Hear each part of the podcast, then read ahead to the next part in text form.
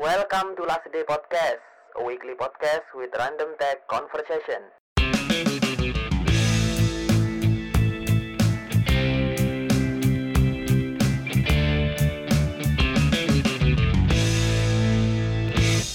Halo semua, perkenalkan nama saya Irsad, Android developer di Last Day yang akan menjadi host di podcast ini. Enjoy!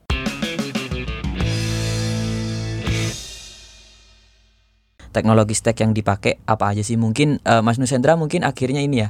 Mungkin kayak apa ada tools untuk manajemen project dengan sebanyak itu karena kalau saya sendiri rasanya dua aja udah banyak sih kalau saya kayak. Kalau itu saya jujur nggak ada sih mas. Nggak ada ya? Nggak ada. Wow. Biasanya saya cuma taruh di Trello aja sih. Itu Trello aja. Iya. Kalau teknologinya stack, sendiri, ya. saya biasanya bikin karena aplikasi internal kantor ya. Jadi kayak admin dashboard itu ada menu-menu, terus kemudian ada bikin invoice, bikin apalah itu in- eh, inputan form-form gitu. Jadi teknologi yang saya pakai untuk di front end saya pakai Vue.js, Vue.js. eh, JavaScript, terus yang di belakang ada beberapa. Saya pakai Laravel juga ada. Terus kemudian pakai Express.js juga ada. Nah, sekarang ini saya pakai Nest.js. Jadi dia Next.js. apa namanya dari dari Express, dia Nest itu sebenarnya Express. Hmm. Cuman dia pakai eh, pakai TypeScript di dalamnya. Jadi eh, lebih terstruktur sih dari dari apa namanya dari Express itu tadi. Hmm, Kalau teks tagnya itu sih. Jadi lebih banyak ke JavaScript sebenarnya. Oh, full stack JavaScript mungkin. Yes, betul. Sekarang berarti kerjaannya lebih ke front end mobile atau web? front end mobile Oh, front end kebanyakan front end mobile. mobile I see. iOS Android iOS Android dua-duanya berarti memang. iya karena React Native kan sekali ngoding dia bisa di aplikasi apa diaplikasikan ke dua Ke platform dua kan. platform. Oke. bahkan lebih bahkan lebih Oke, oke, I see. Mungkin kalau boleh tanya lagi, tantangan untuk dua platform dari React Native ini seperti apa sih? tantangannya apa ya Atau sama aja? Eh sebenarnya kalau dari segi ngoding Heeh, sama sama. dari segi debugging sama Sama juga. Mungkin tantangannya adalah jika kita nggak punya MacBook. Nggak bisa deploy ya? kita kesulitan itu kalau nggak ada MacBook itu. Itu tantangannya. Sebenarnya dengan di, di, di Dilo itu cuma simpel banget sih teman-teman. Tinggal daftar aja sebagai member di webnya Dilo di surabaya.dilo.id. Habis itu teman-teman daftar member, teman-teman tuh udah bisa pakai coworking space free gitu. Tapi dengan kategori tadi ya, kalau nggak pembuat startup, startup founder tapi digital. Kalau nggak pekerja startup juga boleh. Tapi startupnya juga harus digital. Hmm, I see. Atau freelance boleh, kayak programmer, desainer, desainer pun sebenarnya untuk graphic design tuh kita sebenarnya nggak bisa, harus yang UI UX gitu, yang memang spesifik untuk startup gitu. Gimana pun juga banknya ngoding lagi sih kalau di Iya, harus gitu. ke teknologi akhirnya. Yes, kalau graphic design kan soalnya macem-macem ya.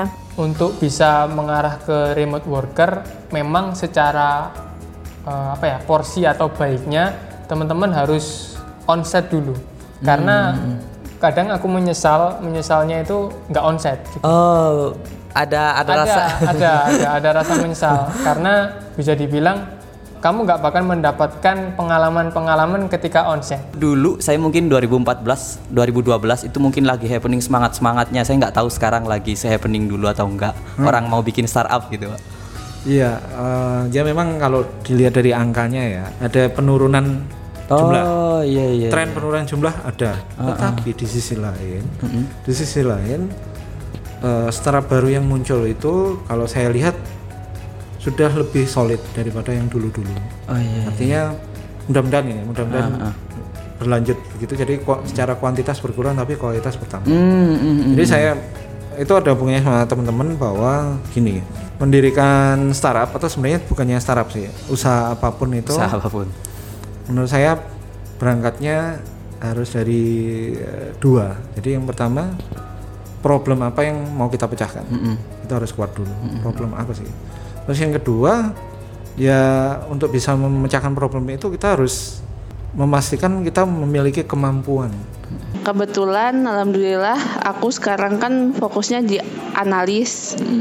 Jadi ketika aku kerja itu malah ada temenku cowok itu bilang gini apaan sih analis aku nggak ngerti apa-apa gitu aku bisanya ngoding aku nggak paham buat alur kayak gitu gitu Oh, I see. I see. Iya, jadi dari situ kan sebenarnya memang kita dapat menarik kesimpulan ada yang memang kita nggak bisa kerjakan tapi orang lain bisa kerjakan dan begitu sebaliknya begitu gitu sebaliknya. Oh. jadi jangan pernah kayak ngerendahin berdasarkan gender atau apa gitu kalau dari aku sih kayak gitu tips and trick dari Arjun ini biar kita nggak baper itu gimana? Kan biasanya ada yang baper kan? Ya, dia sekali chat satu dua kali nggak dibales Ah, itu kan baper, baper, ya. mundur kan? Nggak dapat mentor kan Nggak kayak gitu. nah itu tips dari Arjun gimana? Ya pertama sih mungkin bakat yang mahasiswa dulu aja ya itu kan nah mahasiswa bener, bener. mahasiswa ini ya. Dari sekarang mahasiswa ini apa ya meskipun teman-teman ini informatika tapi jangan lupakan organisasi lah. Itu penting sih menurut saya itu. Soalnya kan dari kalian ikut organisasi itu kan kalian bisa nemui dari pertama itu cara berkomunikasi dengan orang ketemu orang itu gimana kayak gitu mesti mas Nah, buat teman-teman yang pengen belajar pemrograman, ya mungkin pemrograman Android, teman-teman bisa buka lastday.com. Siap siap ada siap tutorial Android pakai Kotlin, Mas. Iya, iya. Nah, back, untuk backend-nya pakai Laravel kalau nggak salah itu, Iya, Mas. iya, iya. Nah, buka aja itu teman-teman.